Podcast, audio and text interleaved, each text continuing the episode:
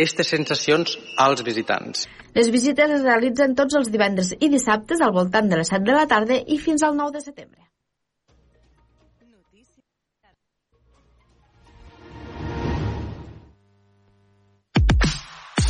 Obert per vacances amb Manel Ferrer.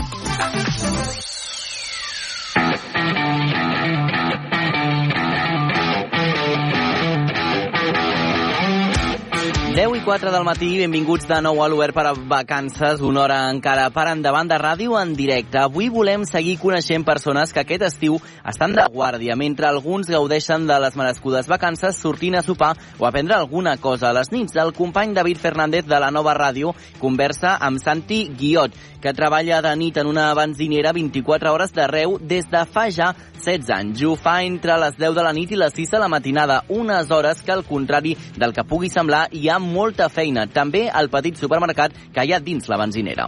Hola Manel, doncs sí, avui volem seguir coneixent gent que està de guàrdia, que aquest estiu està de guàrdia mentre nosaltres gaudim del bon temps, del temps lliure o de les vacances.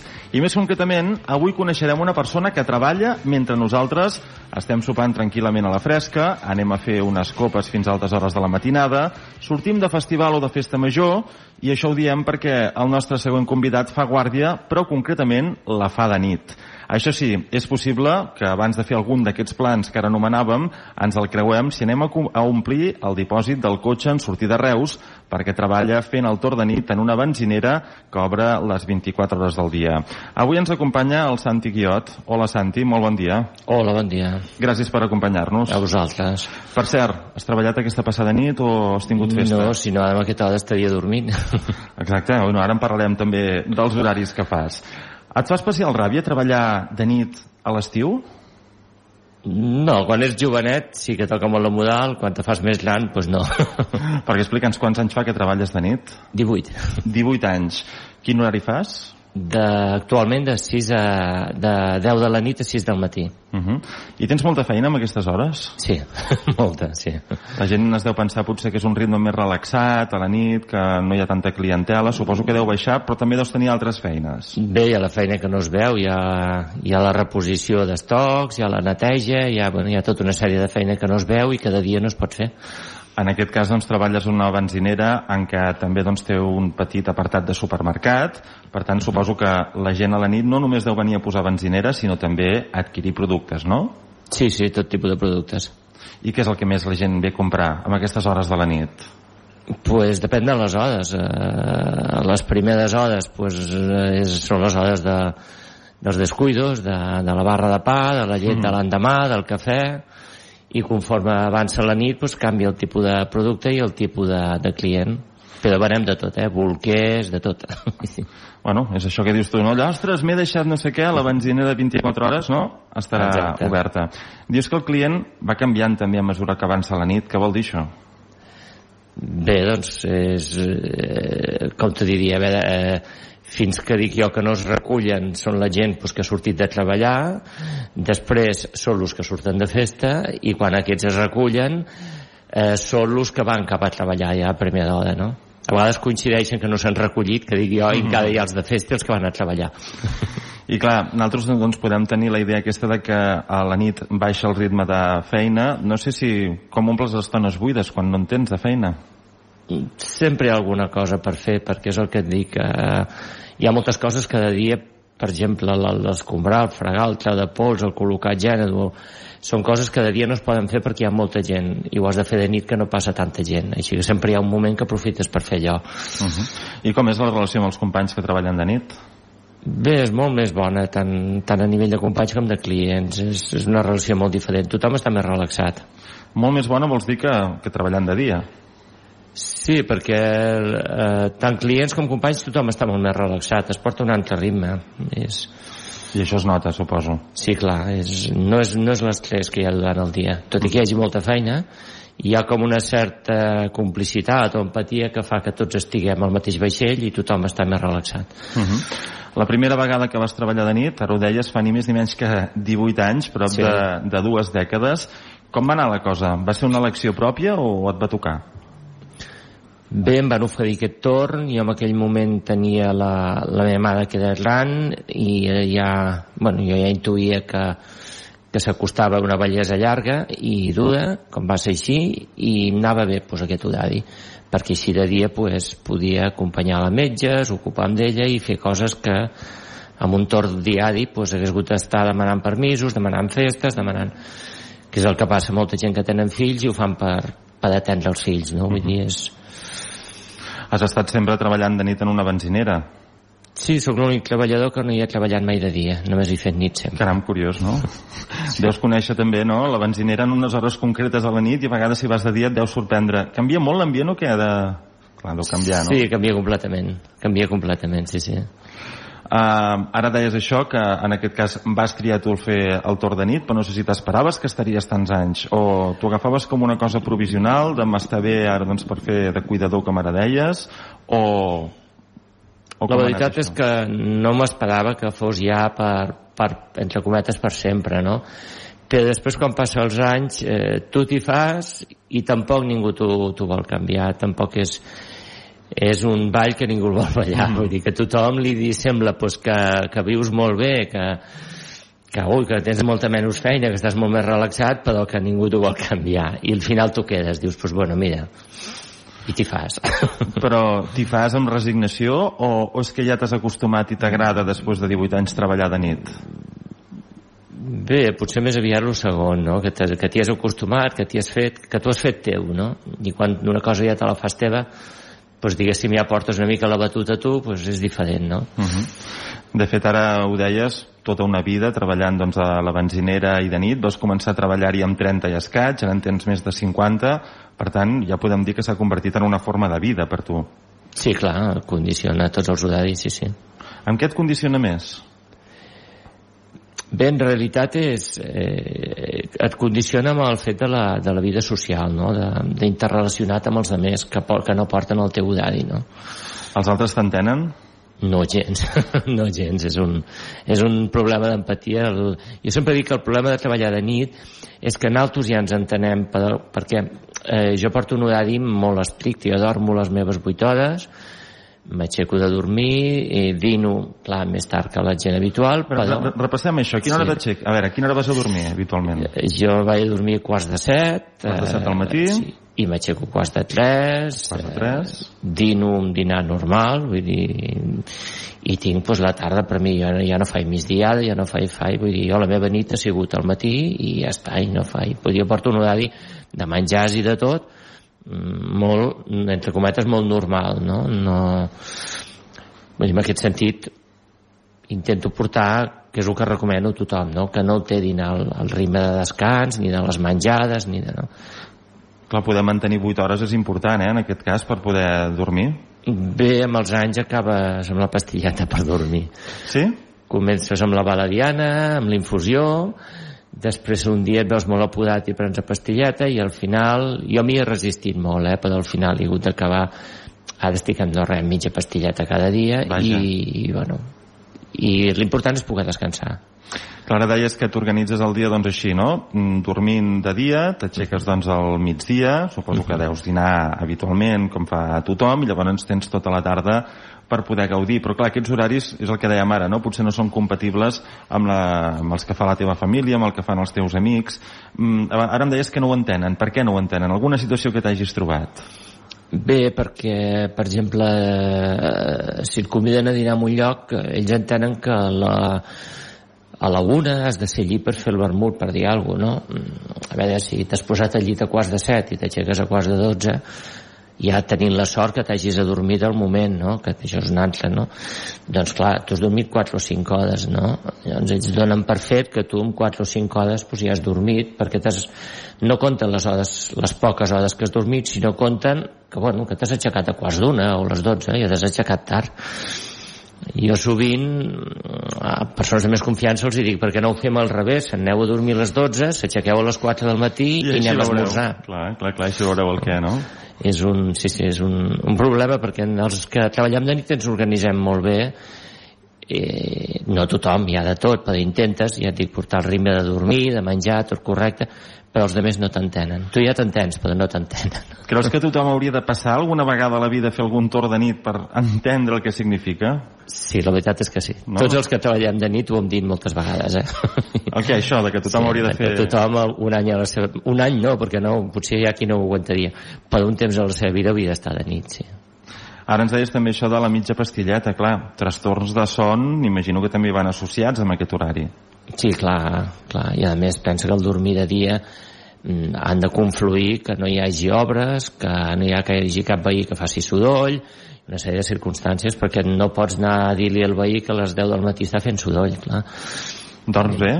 Sí, tinc la sort que tinc molt bons veïns i, i no fan soroll ni molesten ni... La veritat és que amb això he tingut sempre molta sort i, bueno, tinc una veïna que canta però canta Mm. molt bé Bueno, encara, encara. canta encara. molt bé i llavors doncs sí, a vegades al migdia canta però bueno, la sento i vaig seguir la cançó i torno a agafar la son Són les teves nanes particulars, no? D'alguna manera, veritat és que podríem sí. dir. però canta molt bé, vull dir que no Molt bé. Alguna anècdota?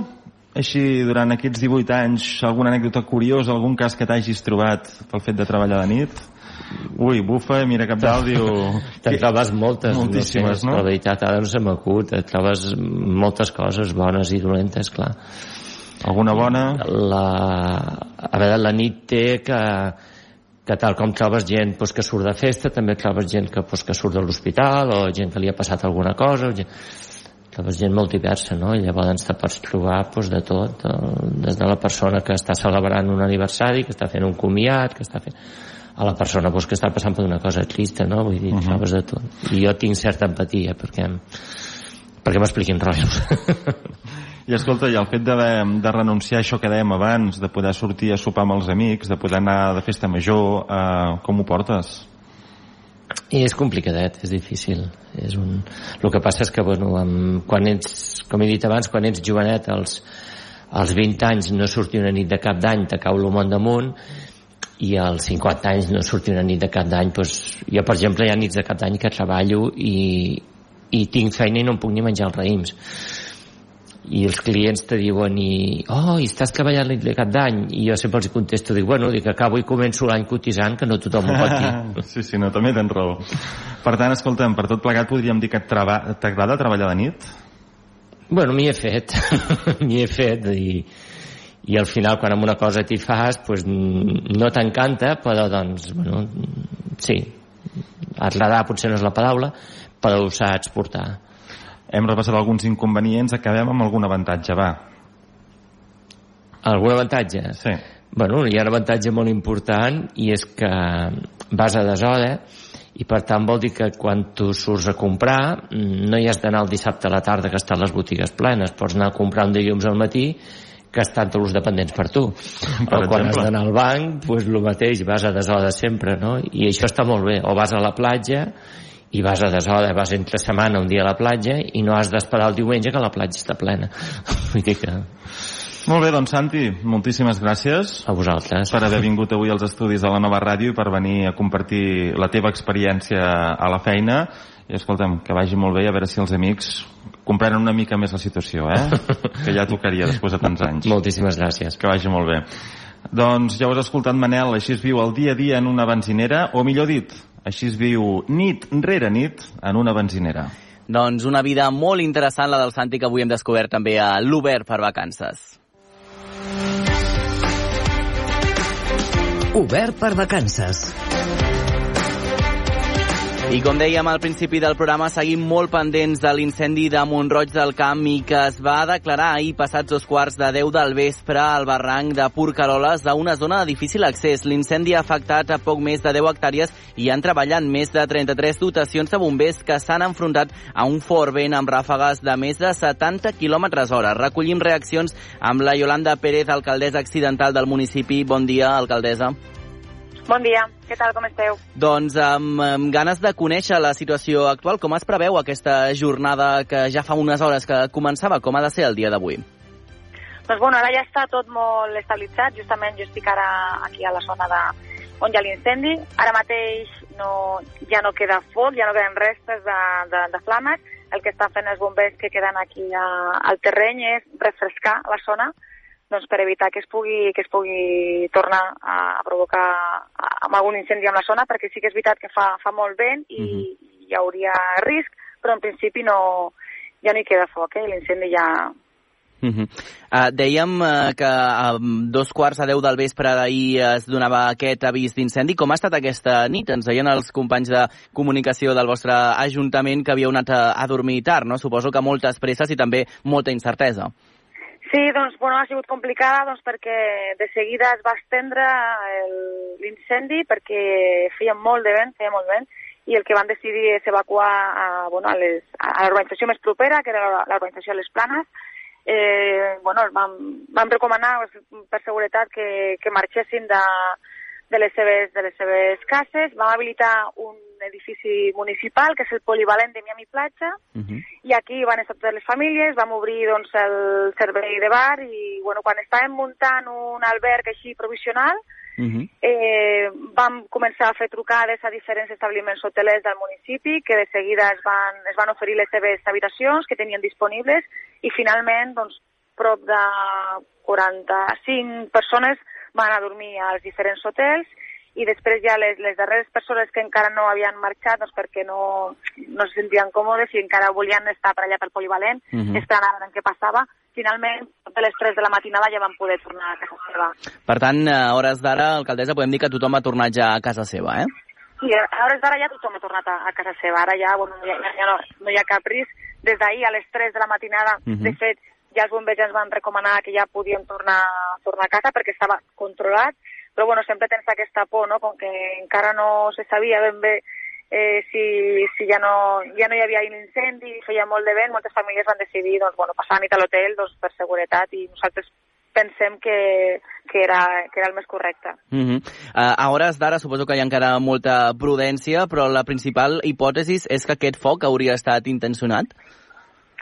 Sí, a veure, són les sospites que, que tenim. De fet, ahir va ser, bueno, com ja he dit abans, va ser un dia complicat. Van començar els incendis, dos incendis prop de, de la una del migdia, eh, molt propers a aquesta zona, es van poder controlar eh, ràpidament, doncs perquè encara tampoc no feia molt de vent i perquè, perquè l'avís va ser de seguida i, i per sort els bombers es van, es van controlar bé. Uh -huh. I, clar, després, a la nit, eh, un altre incendi molt a prop d'aquestes dues àrees del matí, doncs, bueno, pues, tot apunta a que, a que són intencionats, però tampoc no, no ho podem confirmar. Mm -hmm. Per tant, suposo que a hores d'ara el que s'està fent també doncs, és extremar no? la vigilància perquè no es torni a repetir en el cas de que hagin estat intencionats.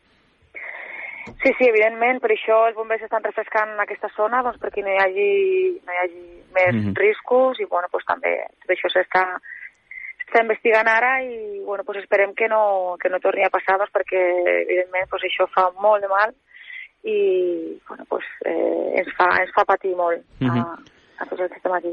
Uh, I per acabar, alcaldessa, volia preguntar-li, ens preguntava també d'aquestes, o ens explicava aquestes habitacions uh, d'hotel que s'havien ofert, també aquest pavelló que s'havia obert. Suposo que en situacions com aquestes, que són molt desagradables i molt tristes, també hi ha aquesta part positiva i aquesta part humana, no?, de la gent que també doncs, coopera, participa, no?, i mostra la seva part més solidària, no?, quan fa falta.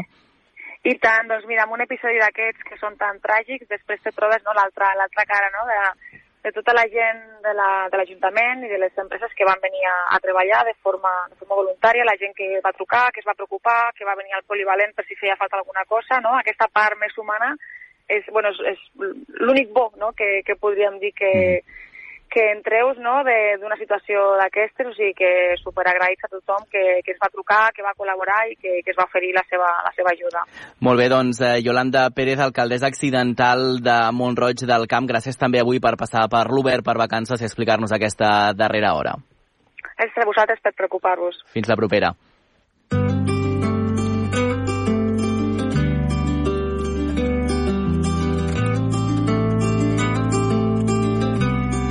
Falten 100 minuts per dos quarts d'onze del matí. Anem a conèixer un nou parc de llegenda. El Parc Natural de la Serra de Collserola s'integra a les comarques del Baix Llobregat, el Vallès Occidental i el Barcelonès. És un parc molt transitat per visitants, ja que es troba molt a prop de grans nuclis urbans. De fet, ho és des de fa segles. Ho descobrim a través de la llegenda de Sant Madir, que hi ha què hi ha de realitat i què hi ha de ficció en aquesta història. Recordeu que tots aquests parcs de llegenda, amb la seva versió televisada, els podeu trobar a la xarxa més.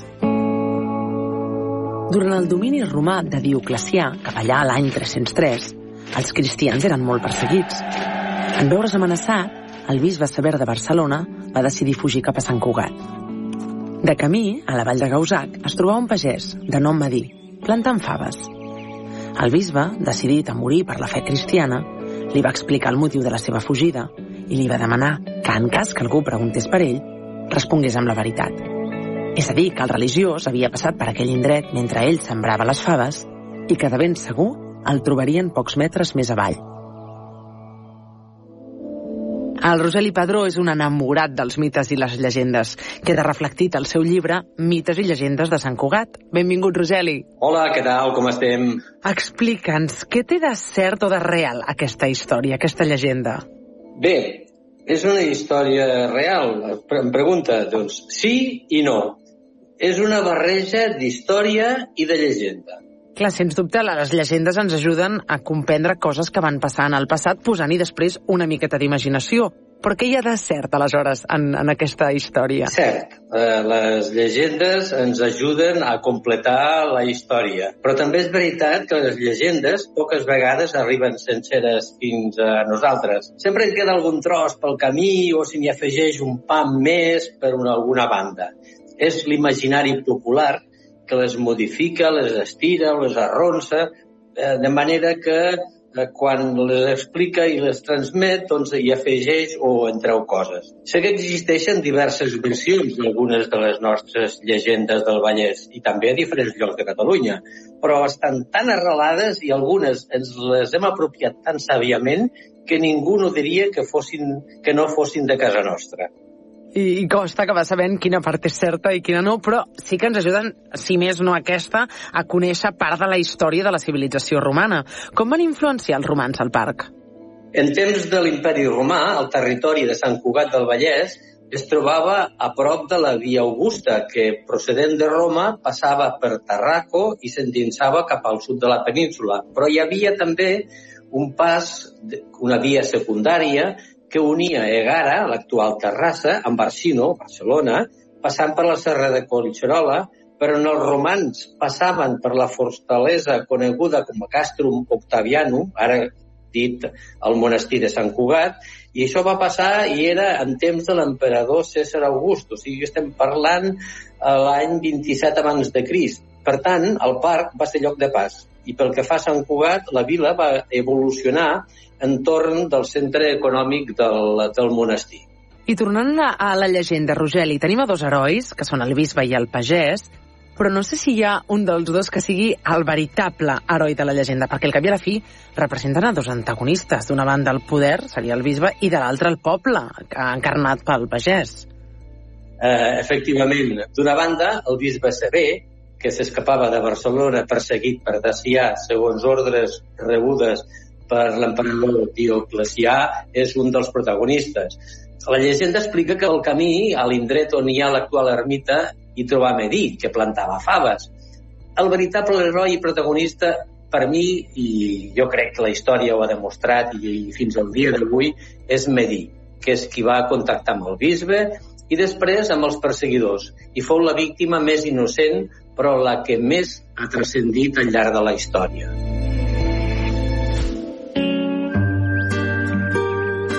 Quan el bisbe va marxar, les faves van començar a créixer i florir de manera miraculosa. Els romans es van pensar que el pagès se'n mofava i que protegia el bisbe.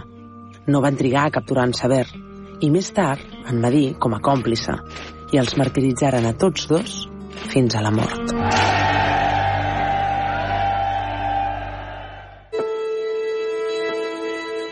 que va molt mal parat en aquesta llegenda. Quin aprenentatge o quina lliçó en podem extreure?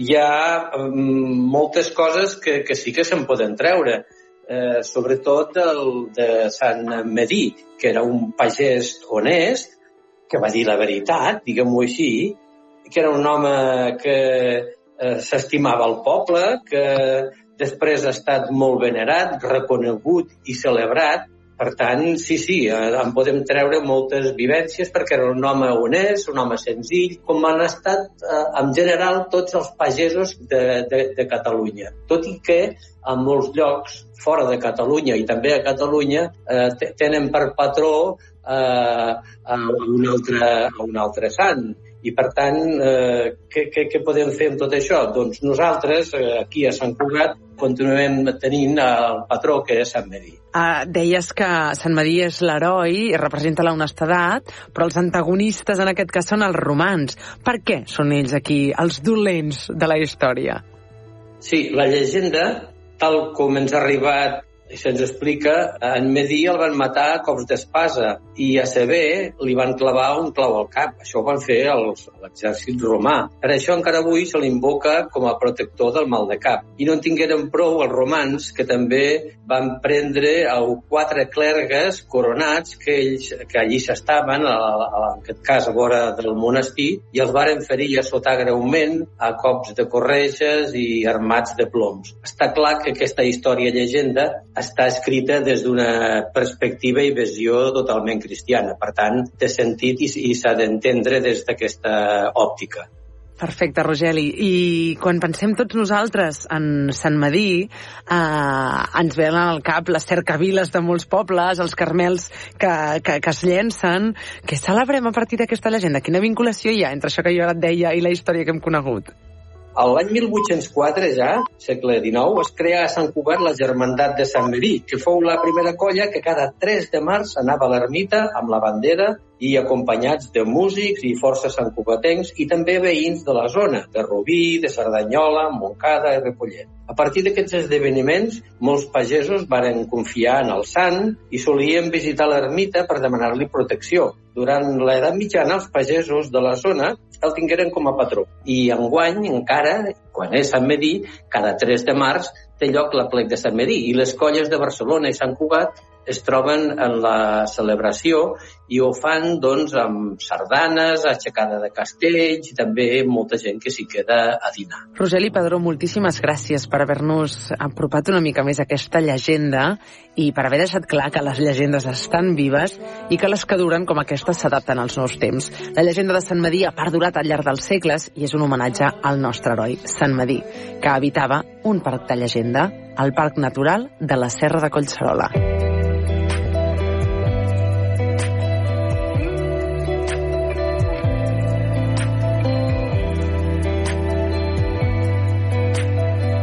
Per vacances amb Manel Ferrer.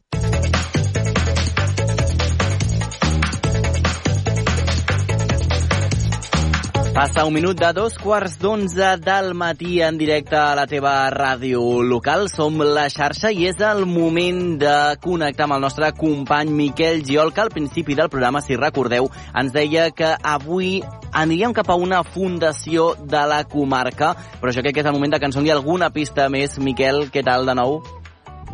Bon dia, Manel. Doncs ara ja no us donaré cap més pistes, diré directament on Molt som, bé. perquè avui me n'he anat fins a Roda de Ter, un poble que queda uns quilòmetres al nord de Vic i que per molts és conegut eh, perquè dins del municipi hi ha la fàbrica La Blava, que és Mm. la protagonista de molts dels poemes del poeta català Miquel Martí i Pol. I és que avui estem precisament a la fundació de l'autor, just al costat de la casa on va viure, si no m'equivoco, més d'una vintena d'anys. És la Casa Groga, molt coneguda i amb vistes directes a la fàbrica que comentàvem i que al seu costat s'hi ha fet la fundació d'aquest poeta. Amb l'objectiu de museïtzar l'espai, la fundació ha començat un projecte molt singular i que de seguida ens explicarà la Montse Caral, amb qui tenim el plaer d'estar avui, que és la directora de la Fundació Miquel Martí Pol. Uh, primer de tot, bon dia, Montse. Uh, abans de tot, uh, però ens podries explicar, uh, abans d'explicar aquesta proposta, uh, qui era ben bé uh, Miquel Martí i Pol? Bon dia, Miquel. Gràcies per venir aquí a Roda de Ter i per la teva atenció. Bé, Miquel Martí Pol tampoc eh, necessita gaires explicacions perquè és un poeta considerat nacional, això fa una mica de por fins i tot pensar-hi, eh, i és sobretot un autor molt popular per les classes treballadores. La proesa màxima que va fer, crec jo, és que va trencar la línia de classes pel que fa a la literatura i això ha fet que entrés a totes les cases, tant per la seva escriptura com per la musicació dels seus poemes. De fet és el més posat a esqueles, el més recitat a casaments. I és un poeta nostrat, un poeta que s'estima la llengua, un poeta de casa eh, i un poeta que expliquem la seva vida i la seva obra eh, aquí a Roda de Ter i que podeu venir a visitar-nos i fer la visita comentada quan vulgueu. I aquesta fundació, ara precisament això, estem dins d'aquesta fundació. Quan i per què es crea i en quin moment es troba actualment? La Fundació Miquel Martí Pol es crea l'any 2006, el que passa que no agafa embranzida fins al desembre de 2016 i aquí comencem a treballar en una seu, hi havia una demanda, la gent venia a Roda de Ter a veure un lloc que hi hagués una exposició, a fer alguna activitat i no hi havia res. L'Ajuntament el que va fer va ser impulsar aquesta fundació i vam començar les obres de les quatre cases del carrer Costa del Ter, dues dedicades, tres dedicades a la seu de la Fundació, on fem les activitats i on fem les visites comentades, i la quarta a la museïtzació, que és la casa on va viure l'autor i va venir a viure l'any 1956.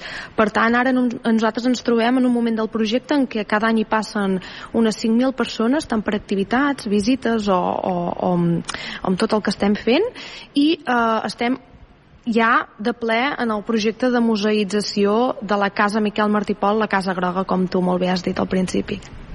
Uh, això comentes, la, la museïtzació és un pas mm. molt important uh, per al que uh, passarà aquesta fundació i que segurament revolucionarà uh, les visites i que tindrà molta més afluència de persones. Però per això, uh, pel que sembla, esteu, heu començat un projecte que és, és molt interessant i més aviat més que un projecte podria ser una crida a la ciutadania, no? Uh, en què consisteix exactament? Sí, nosaltres ara eh, hi ha una primera fase feta d'obres aviat farem la segona i eh, la casa, que ja és visitable tal com està ara, el que nosaltres sabem per les entrevistes que hem fet als fills que hi van viure és que estava plena, plena, plena de llibres. I, de fet, eh, conservem la biblioteca personal de Miquel Martí Pol, que tenia més de 6.000 volums. Quan vivia aquí a la Casa Groga en tenia uns 2.500 i pico, i, eh, esclar, si nosaltres museïtzem la casa, eh, el que hem de fer és eh, que hi tingui tots els llibres eh, que ell llegia i així el visitant es pot fer una idea del que llegia però el que a més a més nosaltres volem és que no només estiguin posats a les prestatgeries sinó que aquest visitant, si s'encurioseix per un d'aquests volums, el pugui agafar el pugui obrir, manipular i llegir un text. Si algú surt d'aquí havent llegit poesia eh, ens encantarà. Aleshores, eh, aquest projecte el que vol fer és replicar la biblioteca que ell tenia quan vivia a la Casa Groga.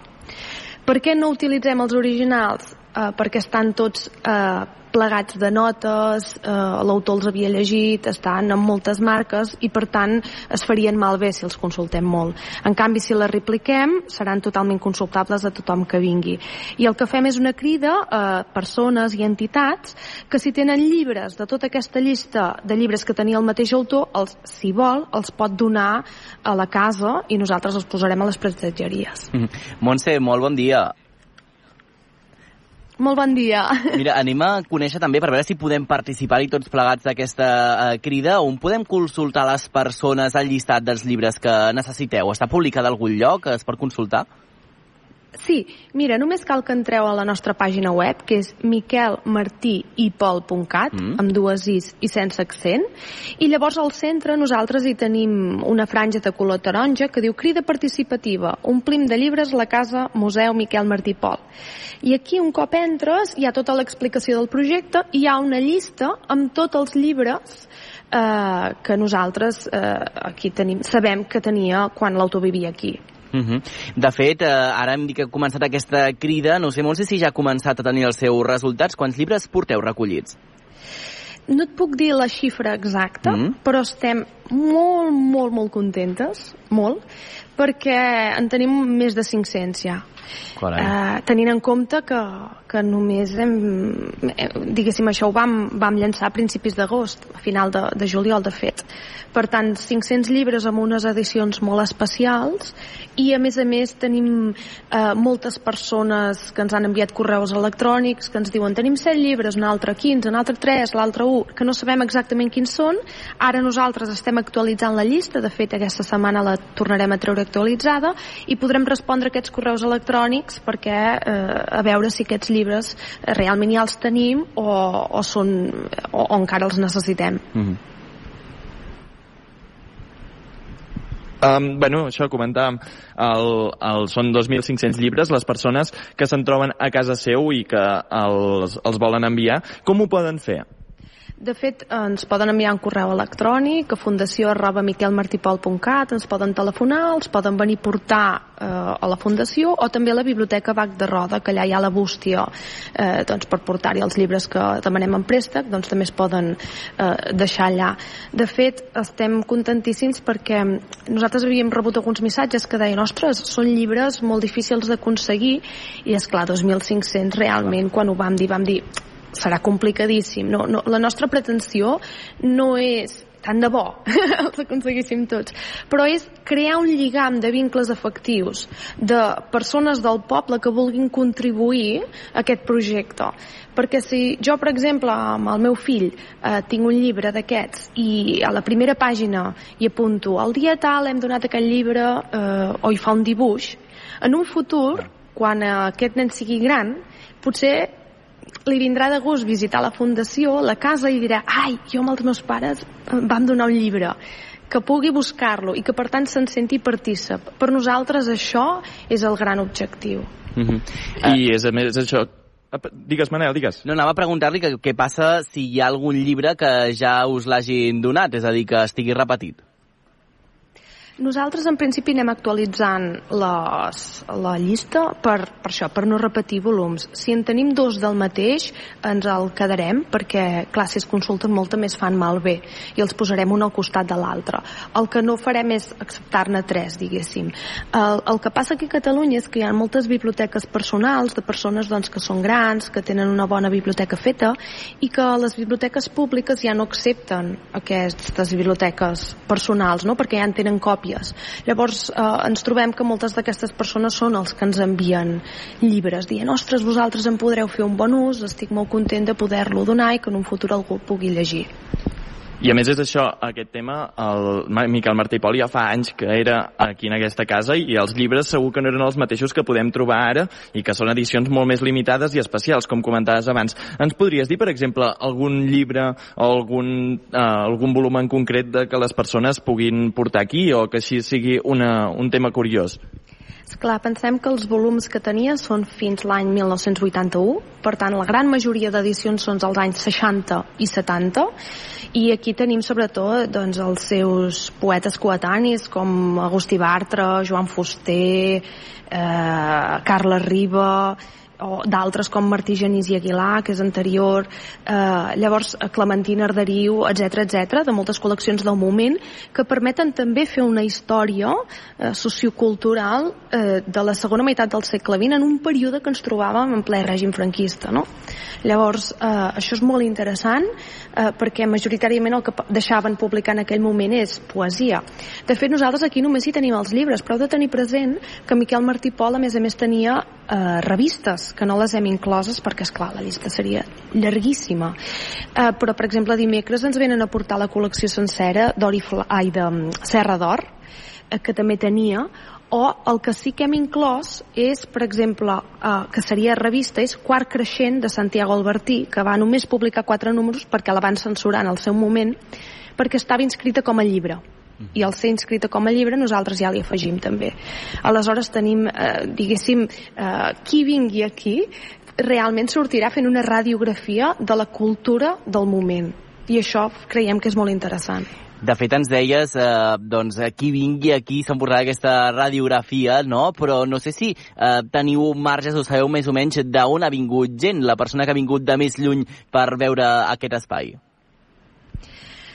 Um, una cosa és per fer les visites, Mm. mm. que han vingut de molt lluny, o per exemple d'Israel, o eh, eh, ve gent de tot el món, eh, especialment d'Alemanya els agrada perquè la fàbrica està traduïda a molts idiomes Mm. i l'alemany en aquell moment va ser molt important, però per exemple a la crida de llibres ens han vingut llibres de Suïssa, de Mallorca, estem a l'espera de Suècia, eh, catalans repartits pel món, vaja. I aquesta crida, precisament, eh, fins quan les persones poden donar aquests llibres perquè formin part d'aquesta biblioteca personal de l'autor? No tenim un termini perquè eh, la museïtzació va lenta, però el que sí que demà, em- ens agradaria és... Eh, nosaltres invertirem molt temps en el projecte fins a finals d'any i a principis de l'any que ve. Però eh, poden donar-ne durant fins que vulguin, no, si dia.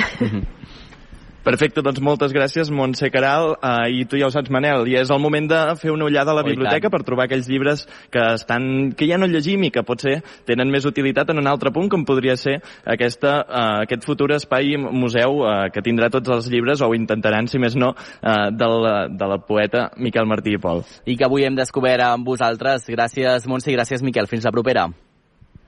A vosaltres, gràcies. Obert per vacances amb Manel Ferrer.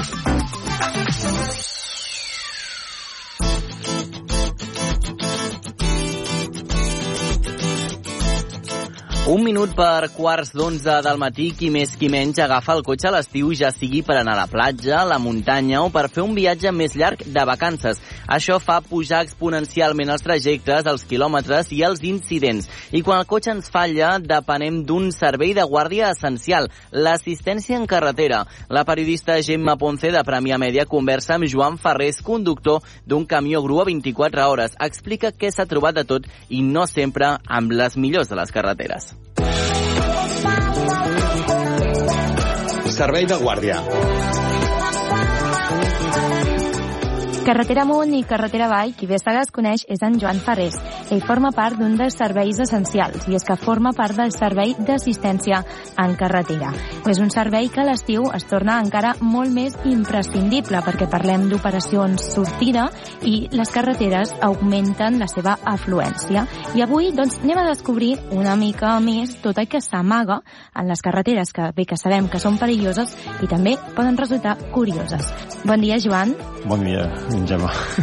En aquest cas, eh, estàvem parlant de que a l'estiu hi ha molta més afluència, anem molt més a la carretera, i al final, doncs, tu com a assistència en carretera també deus tenir encara molta més feina. Doncs sí, a, l'estiu sobretot és un no parar. Vull dir, treballem, fem tot el Maresme i treballem per totes les companyies i quan no és servei d'una companyia és servei d'una altra i aquí no es para. Uh -huh. Aleshores, quines són les mm, històries més curioses que t'has trobat? Si tens alguna d'aquella que recordis eh, mm, així personalment com a curiosa? Bueno, eh, curiosa és... Eh, hi ha un determinat rango de gent, per dir-ho d'alguna manera, que es pensa que perquè està pagant una assegurança té dret a tot. Jo m'he trobat un cotxe que havia tancat la distribució al mig de l'autopista i no, no, tu me tienes que arreglar el cotxe aquí. A veure, perdona.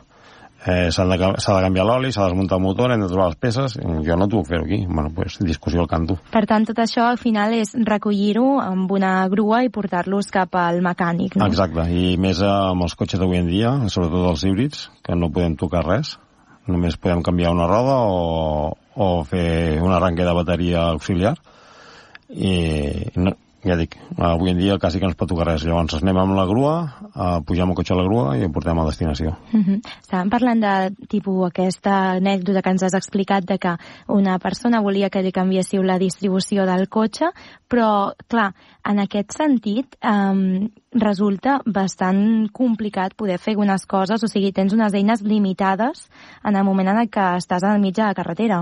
Bueno, al mig de la carretera ara ja bàsicament no fem res, vull dir, ni canviar una roda. Vull dir, jo quan veig la gent al, al voral de l'autopista canviar-se ells mateixos una roda, dic que aquests no saben el que estan fent. Resulta perillós. Nosaltres hem tingut companys carregant un cotxe, o sigui, ja ni, ni, ni reparant una roda, que ha vingut un camió per darrere i se s'han portat posats. Uh -huh. I en les situacions en les que s'enfada una persona, com actueu davant d'aquestes situacions? Bueno, has de tindre una mica la mà dreta. I, I en el pitjor dels casos, jo ho sento molt, però jo no em poso en perill perquè hi ha gent que es posa agressiva i els dic un segon que truco a la companyia i a veure què ens diuen. Em pujo a la grua, me'n vaig, ja em trec del mig, s'avisa la companyia, la companyia avisa a Mossos o el que s'hagi de fer. Tenim seny nosaltres a carretera? Últimament no. Vull dir, la gent, molta gent condueix en despreci pels demés. Primer passo jo i si no pots passar tu t'esperes. I, I la prova ho tens quan vas pel, pel carril dret de l'autopista hi ha una incorporació el fer del passo el té el que s'incorpora i sóc jo que m'haig d'apartar de carril o m'haig de frenar perquè passi l'altre vull dir, la gent últimament condueix a la seva manera i sense mirar. Uh, jo que vaig amb un camí vaig una mica més elevat. El 90% de cotxes que em passen pel meu cantó esquerre van amb el mòbil a la mà o fumant o bueno, altres coses. Vull dir, hem vist 50.000 barbaritats. Vull dir, des d'una dona maquillant-se conduint Vull dir, ha gent llegint abans de les entregues que ha de fer, eh, hem vist de tot. Estem parlant doncs, d'això, de que heu fet doncs, que som irresponsables al volant. Quines són les incidències que més has hagut d'atendre com a servei d'en carretera? Bueno, a veure, per sort encara estem a temps que el que més fem són punxades de roda o avaria mecànica, ¿vale? però també hi ha menys accidents, però sí que és veritat que els accidents que hi ha últimament són més greus que els que hi havia abans. Eh, ja dic, la gent condueix a la seva manera i no miren res. Vull dir, si, han, si t'adelanten per la dreta, t'adelanten per la dreta, etc. Vull dir... Quan tu vas a, a socórrer en l'assistència carretera un accident, després com ho gestiones això cap a casa? Perquè has vist un accident al final. Jo, per sort o desgràcia, per altres coses que he estat eh, treballant entre cometes de voluntari i ho gestiono bé, ¿vale? hi ha gent que no jo tinc companys que, per exemple, si van a un accident on hi ha ferits greus, no hi van. Si hi ha morts, tampoc hi van. Jo, per sort o per desgràcia, vaig a tot. No tinc problema en aquest aspecte. Però sí que és veritat que quan anem a un accident tenim molts problemes per arribar, perquè la gent no fa el carril d'emergència. Si anem a una autovia de dos, de dos carrils, a la que es para per un accident, el carril de la dreta d'anar al voral i el carril de l'esquerra a la valla de l'esquerra. I pel mig, emergències. Si és una autopista de tres carrils, el carril de la dreta al voral, el del mig passa al carril de la dreta i el carril de l'esquerra a la valla. I entre el segon i tercer carril passen les emergències. Això és el que es fa a tota Europa, menys aquí a Espanya. Estem cansats de dir-ho, ara s'estan posant les piles les autoscoles i les escoles, però clar, d'aquí a que tot això la gent es conscienci tothom, entre que mm, sortint del mapa ha la gent gran que no ho ha après i els que ho estan aprenent ara es posin a conduir, encara passaran 10-15 anys. Vull dir, moltes vegades els, els, els Mossos ens ho diuen. Si nosaltres que anem en llums blaus no se'ns aparten, imagina't tu que ets una grua. Vull dir, jo m'he tirat mitja hora per arribar a un accident que el tinc a 3 quilòmetres. Per tant, ens fa falta com molta conscienciació al respecte d'aquest sí. fet, al respecte de deixar passar també tot el que són els serveis d'emergència de, en la carretera. Sí, sí. Ens quedem amb això, Joan Ferrés, de Servei d'Assistència en Carretera. Moltes gràcies per atendre'ns. Molt bé, moltes gràcies a vosaltres.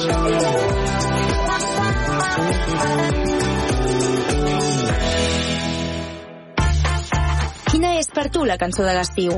Digue'ns-ho amb una nota de veu al 628 841 055 i podràs guanyar 60 euros per gastar al bon preu esclat.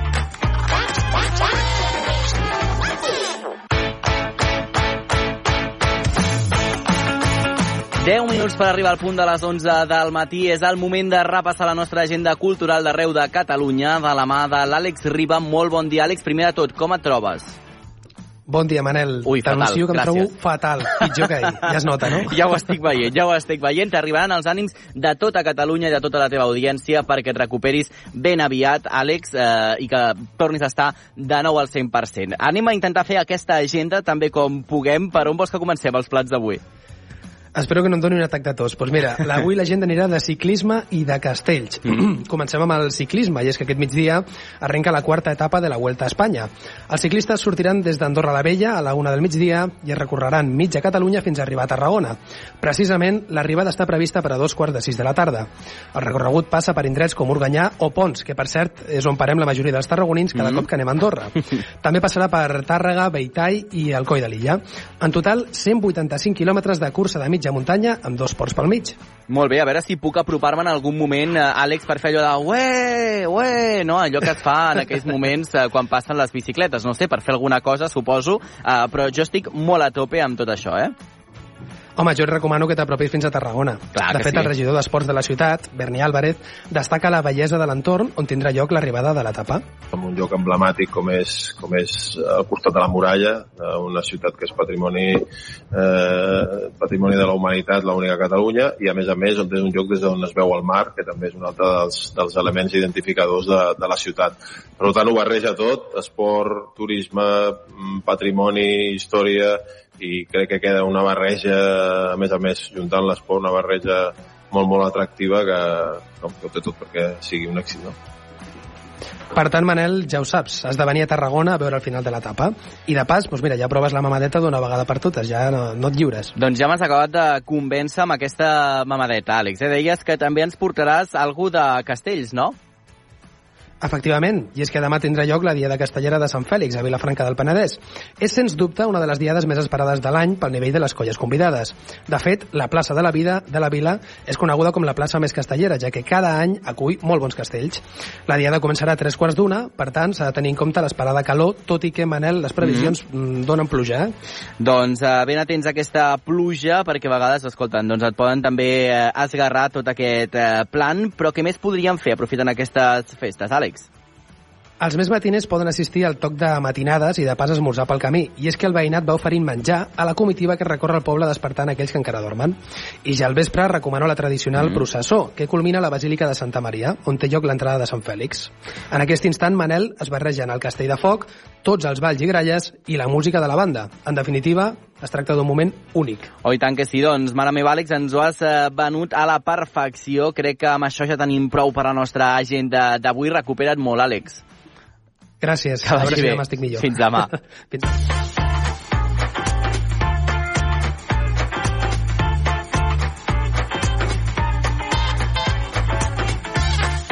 10.54, re benvinguda, Anna Gasol, com estàs? Molt bé, molt. Com estàs tu, Manel? Doncs molt bé, mira, ja 6 minuts per acabar el programa d'avui, mm -hmm. però encara amb ganes d'escoltar els nostres oients, eh? Vinga, va, sí, que sempre que són els Oh, protagonistes sí. d'aquest el nostre espai, eh? Hola, Sí, sí. em dic Andreu, sóc de Mollerussa i la meva cançó de l'estiu és Born to be Wild de l'Stephen Wolf. Hola, sóc la Eva, sóc d'Aige i la cançó de l'estiu per mi és Flowers, de la Miley Cyrus. La Miley Cyrus Hola, la Carol G. sóc la Irene d'Artesa de Lleida Irene. i la cançó de l'estiu és la de Clavaito de Chanel i Abraham Mateo. Gràcies, adeu. Me- M'encanta Clavaito de Chanel i Abraham Mateo, eh? Jo crec que és una de les meves preferides d'aquest estiu. Mira el Ui, que et diré. no hi ha més a discutir. No, no, no, no. Clavadito. Boníssima. El que sí que hem de dir, Anna, és que no és vinculant quina és la millor cançó, perquè tothom que enviï la seva cançó pot eh, entrar a guanyar aquests 60 euros de bon preu esclat, eh? I tant, això és un joc entre nosaltres Mhm. per sonoritzar l'espai, però Exacte. tothom entre a sorteig que enviï aquest missatge de veu al 628 841 055 amb dient-nos el nom i proposant-nos una cançó de l'estiu, entre i és possible que guanyi aquests 60 euros de compra a bon preu esclat. Exacte. De fet, estic escoltant aquesta cançó de fons, Anna, i jo crec que a tu t'hauria d'agradar, perquè té com, també aquests sons llatins, no? Inclús potser de batxat en alguns moments, no? O què? M'agrada. Jo és que sóc, com es diu allò, una viejoven. Jo Ja. soc més aviat això. Soc més llatins, però sonidos clàssicos. D'acord. Tipus què? Qui podria ser un artista clàssic? Ah, jo sóc més de, de Alejo Durán, Carlos Vives. Ah, molt bé, Carlos Vives. sí. Viejitos, viejitos. Val, val, val. Però, bueno, però, Carlos però, Vives no ho és tant, no, no, però...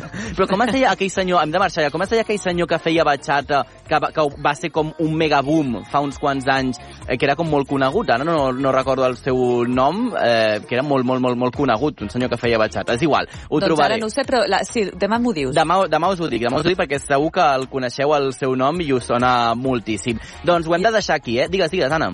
No anava a dir, el Marc la tenia i ens la posa. Exacte, sí, sí, amb aquesta marxem amb, amb aquest clavaïto de Chanel. Exacte. Romeo Santos, molt bona, Marçal. Minipunt per tu, Romeo Santos, sí, no, Anna? Romeo Santos. Romeo sí. Santos, home, conegudíssim. Doncs avui marxem amb Chanel, amb aquest clavaïto. Gràcies, Anna, i gràcies a vosaltres per escoltar-nos. Ens escoltem demà. Adeu. Una abraçada, Manel.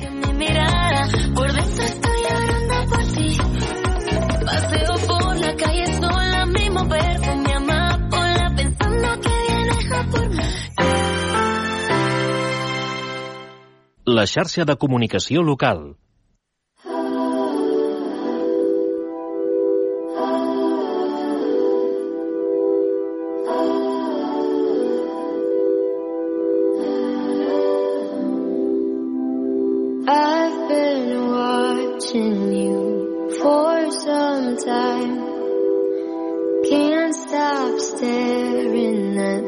those ocean eyes.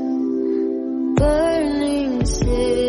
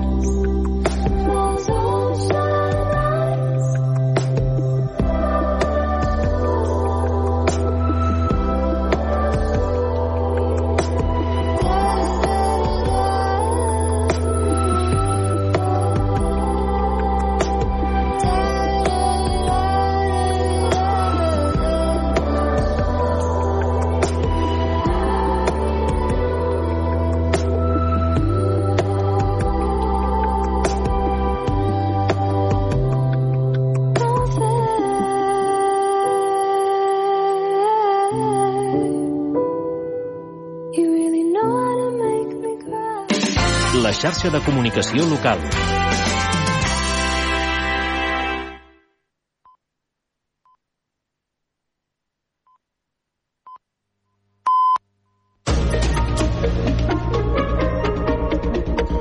Notícies en xarxa. Bon dia, són les 11. Us parla Pili Garcia. La mesa del Congrés avala la constitució de tots els grups parlamentaris, també els de Junts i Esquerra, que han rebut diputats prestats del PSC i Sumar respectivament. El PP considera que la constitució dels grups de Junts i Esquerra, amb l'ajuda de diputats d'altres formacions, és un frau de llei, malgrat que aquesta fórmula ja havia estat utilitzada. Encara en plana política, el PSOE ha presentat un recurs d'empara electoral davant el Tribunal Constitucional perquè es recomptin els 30.000 vots nuls que es van registrar a Madrid a les eleccions del 23J. Els socialistes recorren contra la decisió del Tribunal Suprem i la Junta Electoral Central de no permetre aquesta revisió de vots nuls, malgrat que podrien decantar a favor del PSOE un escó que va obtenir el PP per només 1.323 paperetes. I aquesta matinada ha quedat controlat l'incendi forestal de Montroig del Camp, que ha afectat 10 hectàrees i mitja. Durant la nit hi han treballat fins a 33 dotacions de bombers. Ara hi segueixen treballant. L'alcaldessa accidental de Montroig del Camp, Yolanda Pérez, ha dit a l'Obert per Vacances que podria tractar-se d'un incendi provocat. Van començar els incendis, dos incendis prop de, de la una del migdia, eh, molt propers a aquesta zona, es van poder controlar eh, ràpidament, doncs perquè encara tampoc no feia molt de vent i